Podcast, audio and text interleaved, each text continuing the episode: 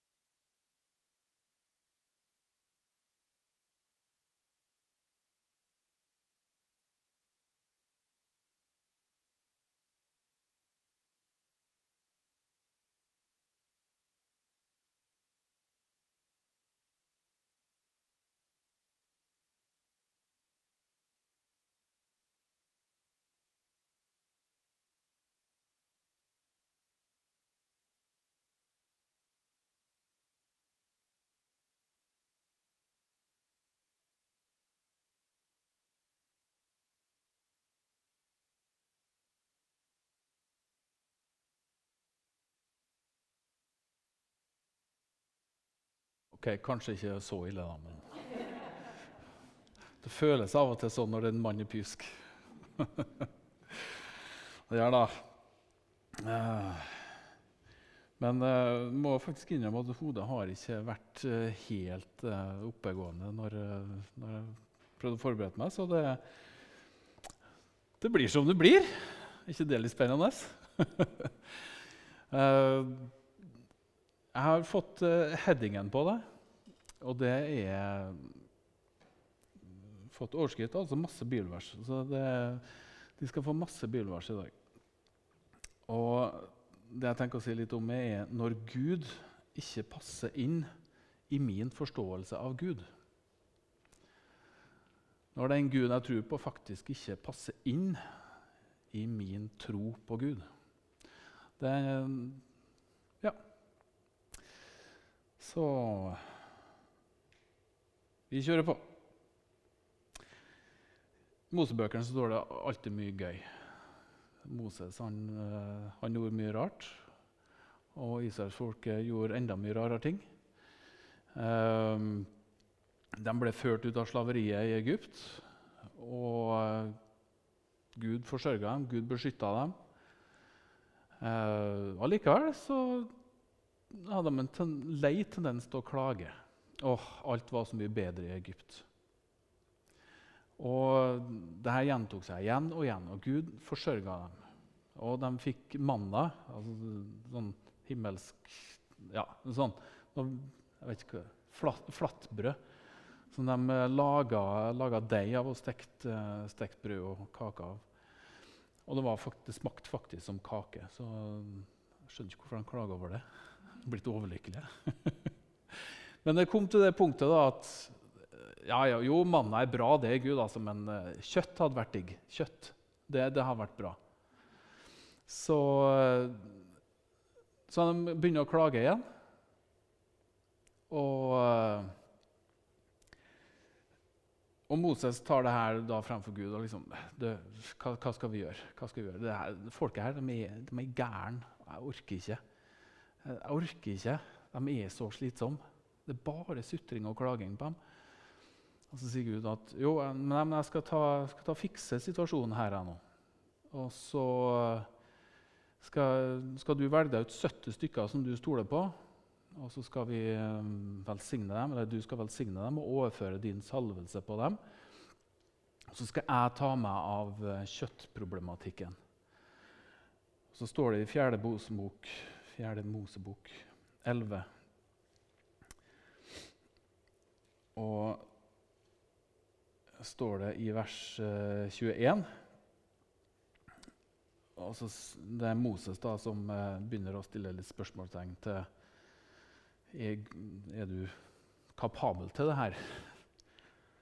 Og Moses sa, 600 000 mann til fots teller det folket som jeg går i følge med. Og du sier, jeg vil gi dem kjøtt, så de kan ete en hel måned. Skal det da slaktes så mye småfe og storfe til dem at det blir nok for dem? Eller skal alle fiskene i havet sanke sammen til dem så det blir nok for dem? Så kommer det tørt fra Gud.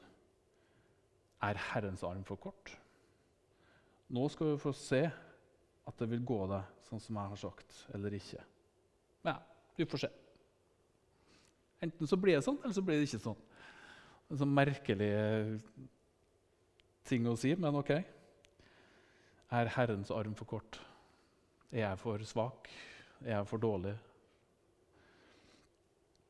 Og så ser det jo da at Gud svarer på noen bønner her om eh, kjøtt.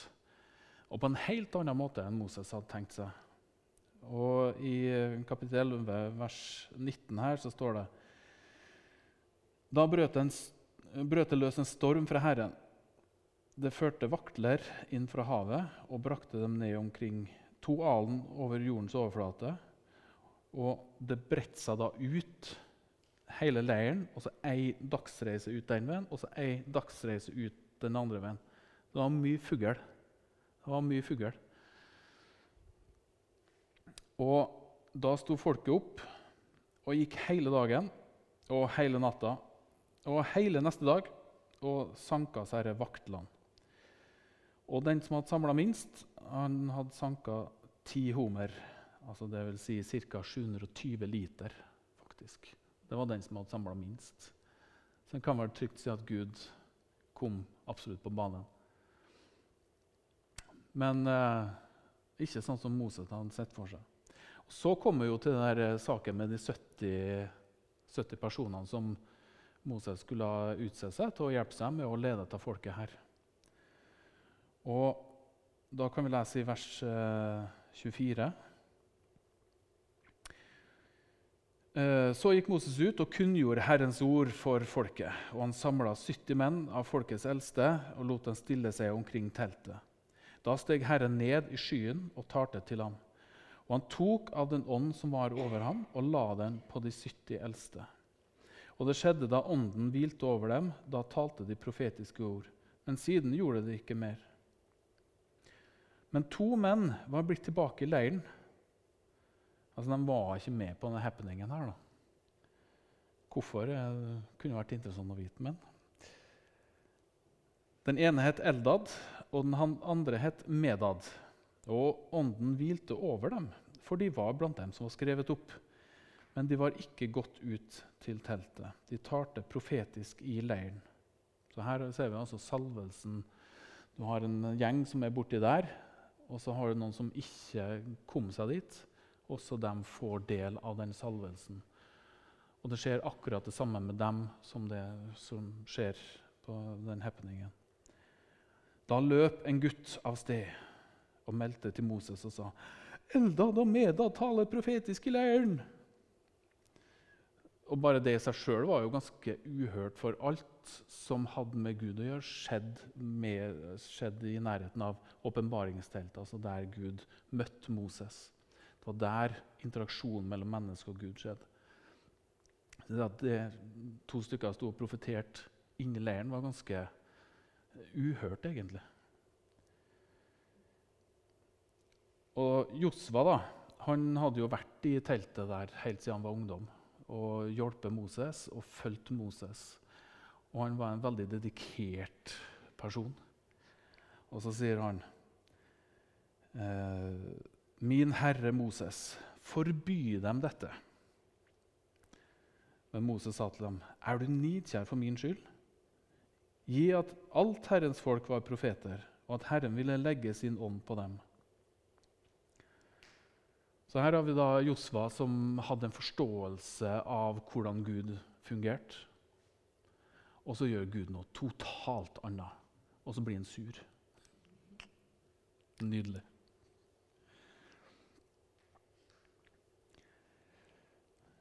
Og så skal vi hoppe til, til Peter. Peter er også en person jeg liker veldig godt. Han gjør mye rart. Han sier mye rart. Skulle nesten tro at, han var et menneske. Og han fikk utfordra gudsbildet sitt uh, heftig, altså. Jeg skal lese i uh, Matteus 16. Jesus, uh, da har Jesus forutsagt at han skal dø, men også at han skal stå opp igjen. Og så Da tok Peter Jesus til side for å irettesette ham og, og sa Gud fri deg, Herre, dette må aldri skje deg. Og så skjer vel kanskje det største sjokket i Peters liv. Jesus snur seg til henne og sier at 'Vik bak meg, Satan'. Du er til anstøt for meg, for du har ikke sans for det som hører Gud til, men bare for det som hører mennesket til. Peter han var opplært i tårene, altså loven. Alle gutta var det. Så Peter kjente Messias. Altså Han visste at Messias skulle komme. Og i Jesus så anerkjente han at Jesus var Messias. Og det er masse Jesus-profetier gjennom hele Bibelen. Og, og allikevel, når Jesus eh, sier at 'jeg skal dø', så får han helt noia. Ja, men du kan jo ikke det. Hallo. Gud fri deg fra det. Vi trenger deg jo. Vi er avhengig av deg, Jesus. Og så får han en rett tilbake. Eh. Sorry, altså, men er, nå må du følge med i timen her.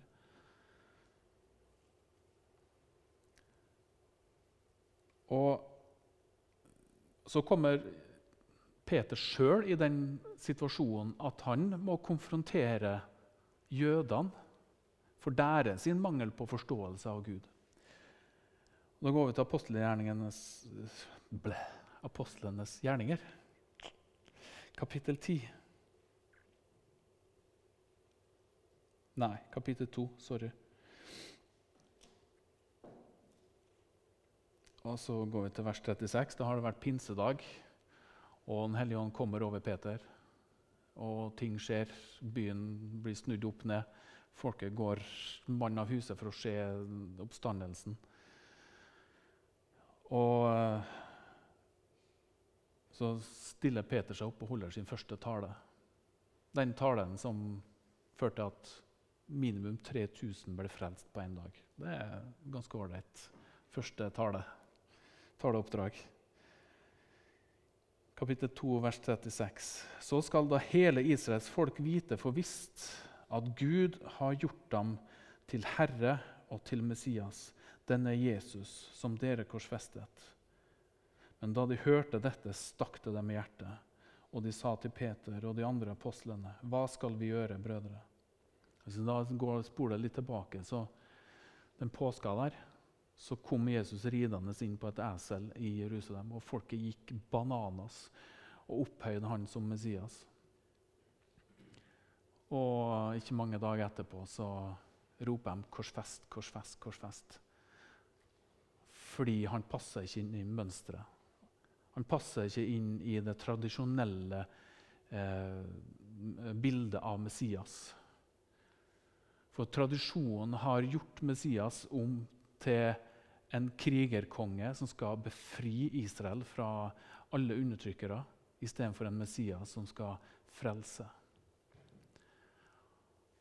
Så de roper 'korsfest, korsfest'. Og eh, da står Peter her og sier at den dere korsfesta, det var faktisk Messias. Men han gjorde det for dere. Han fikk lede 3000 mennesker til, til frelse. Så kan vi gå til kapittel 10. Og igjen da, så er det Peter som blir utfordra på sin forståelse av Gud, av tradisjonene og sin religion. Peter han var kristen, men han var fortsatt jøde, og han fulgte fortsatt loven. Da står det i 10, vers 9, altså utover. Dagen etter, mens de var på vei dit, da er det en, eh, en romersk offiser som, eh, som tilber Gud, og som har fått besøk av en engel. Og så Engelen sier at du, stikk til en Peter og hent han, for han skal forkynne dere eh, frelse. Da gikk Peter opp på taket for å be. Det var omkring den sjette time. Han ble da sulten og ville ha noe å ete. Mens de laget i stand, kom det en henrykkelse over ham. Altså Han fikk se et syn. Eh, han ser himmelen åpnet og noe som kommer dalende ned. Det så ut som en stor linduk som ble senket ned på jorden etter de fire hjørnene. På, eh, på den var det alle slags firfødte dyr og jordens kryp og himmelens fugler. Og en røst kom til ham. Stå opp, Peter, slakt og et. Peter, from som han er, han er jo en, eh, en god jøde, så sier han, På ingen måte, Herre. Aldri har jeg spist noe vanhellig eller urent. Og en røst kom igjen til ham for andre gang. Det som Gud har renset, skal ikke du kalle urent. Dette hendte tre ganger, og så ble duken straks tatt opp til himmelen igjen. Så han nekta tydeligvis da tre ganger. Nei, nei, nei. Jeg, ikke, jeg gjør ikke sånt. Jeg er en hellig person. Jeg er en from person. Jeg har skjønt det. Og så kommer det, Mens han står oppå der, så kommer det seg folkene fra den eh, romerske offiseren og banker på døra forklarer hva, hva, de har fått vite av engelen. Da skjønner han oi, ja, Gud vil lede meg til dem. Men da får han noen eh, andre utfordringer. For i, kap i eh, samme kapittel, vers 44 så skjer det noe uhørt. Mens Peter ennå talte disse ordene, falt Den hellige ånd på alle dem som hørte ordet. Og alle de troende som tilhørte de omskårne, altså dem som ikke var jøder uh, Nei, kanskje en gang til. Bzzzt. Mens Peter ennå talte disse ordene, falt Den hellige ånd på alle dem som hørte ordet. Altså Det vil da si dem som ikke er jøder. Og alle de troende som tilhørte de omskårne, altså jødene, og som var kommet sammen med Peter, ble forferda over at Den hellige ånd var blitt utgitt også over hedningene. For de hørte dem tale med tunga og lovprise Gud. Og da sa Peter, kan vel noen nekte dem vannet så de skulle bli døpt? Disse som har fått Den hellige ånd, liksom vi. Og da har han akkurat stått og sagt Dere vet hvor utillatelig det er for en jøde å ha samkvem, altså besøke noen som er av et annet folk, eller gå inn til ham. Men Gud har vist meg at jeg ikke skal kalle noe menneske vanhellig eller urent. Derfor kom jeg også uten innvendinger da jeg ble budsendt. Og jeg røykte mange sikringer. Plutselig så står han i huset han er på besøk til en han ikke har lov til å besøke. Og ikke nok med at han bare er på besøk, men ifølge sin kristne tro da, så skal ikke de altså hedningene, de som ikke er jøder, de skal heller ikke få Den hellige ånd. For det er forbeholdt jødene. Og så kommer Gud bare og snur alt. Hele situasjonen. Nei, nei, nei. Nå er, nå noe nytt jeg utgitt min Hellige Ånd over alt kjød. For det har jo også Gud profetert i Joel, hvor det står at jeg skal utgyte min ånd over alt kjød. Så de, de får seg noen eh, kavringer i hodet, så det går noen sikringer. Men ok, de stoler på at det her er Gud. Så reiser de tilbake til Jerusalem. Og da får de kjeft. Da får de kjeft. For da er alle de eldste i Jerusalem de er jo helt sjokkert over hva de har gjort. Altså Helt sjokkert. Det, er jo ikke, det er jo ikke lov. Det er jo helligbrødet. Altså, det her er, det, de tråkker på Jesus.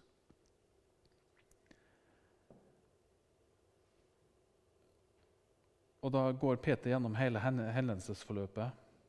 Og så står det i apostelgjerningens kapittel 11 og vers 18. Da de hørte dette, slo de seg til ro, og de priste Gud og sa:" Så har da Gud også gitt hedningene omvendelsen til livet.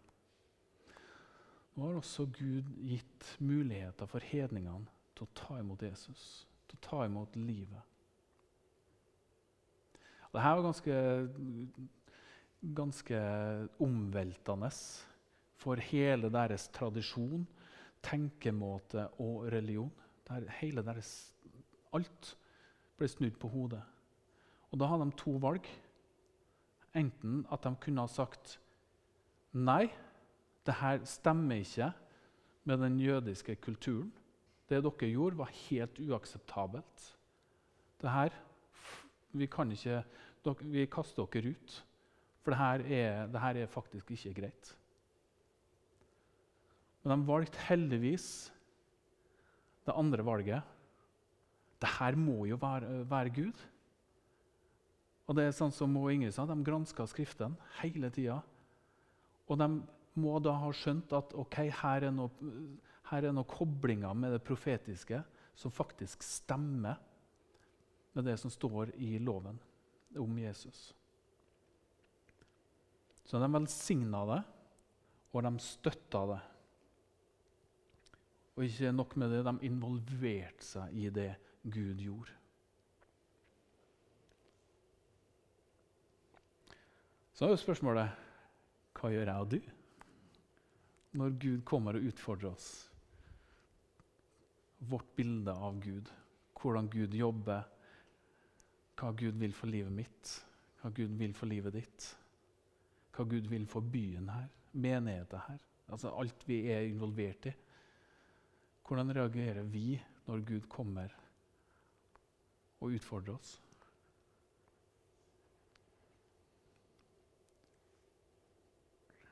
For jeg må, jeg må innrømme at uh, opp gjennom mitt uh, kristne liv så har jeg, jeg har ofte bedt Gud om ting. Jeg har også fått svar på ting. Aldri har jeg fått bønnesvaret eksakt sånn som jeg ba om. Alltid så har det vært et eller annet annet fordi jeg i hodet mitt har vært sånn som Moses var. Ja, men ok, Hvis det, det skal skje, så må vi jo altså Alt av storfe og småfe må jo slaktes, og havet må tømmes for fisk for å mette alle disse folkene her. Og så gjør Gud noe helt annet. Og det er, det er litt spennende erfaring å dra med seg. Og komme dit at en faktisk eh, er bevisst på at Gud ikke Gud følger ikke et manus som vi har satt. Gud følger sitt eget manus.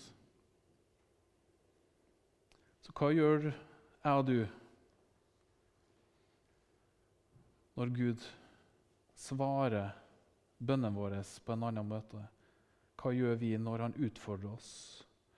til å gjøre noe på en helt annen måte enn det vi er vant til.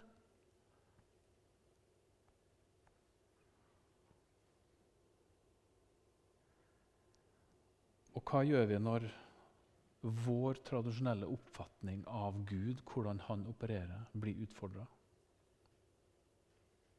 Sier vi nei, det her, ikke, det, det her føles ikke riktig. Vi har ikke gjort det sånn til nå. Hvorfor skal vi endre på noe som fungerer? Hvorfor skal jeg endre livet mitt når det fungerer sånn som jeg syns, jeg syns er veldig greit akkurat nå? Hvorfor skal jeg endre det da? Gud liker endring. Så enkelt er det. Gud er veldig glad i endring. Han er veldig glad i å utfordre tankegangen vår. Han er veldig glad i å se mennesker følge hans stemme. Sjøl om det krasjer, sjøl om sikringene sier Så syns han det er fantastisk. Rett og slett fordi det det Å, datt ordet ut. Tillit heter det. Fordi det viser at vi har tillit til Gud.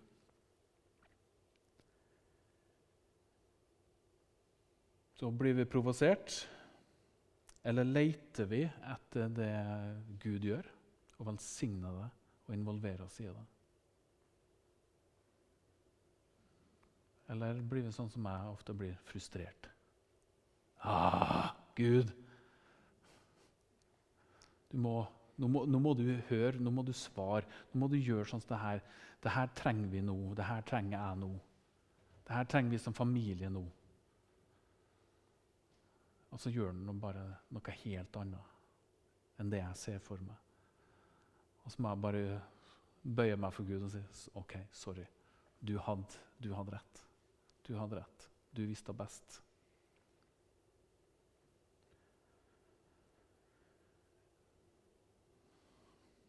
Ja, det var det jeg hadde. Nå har jeg ikke flere bibelvers. Så da Da ble det sånn som det ble.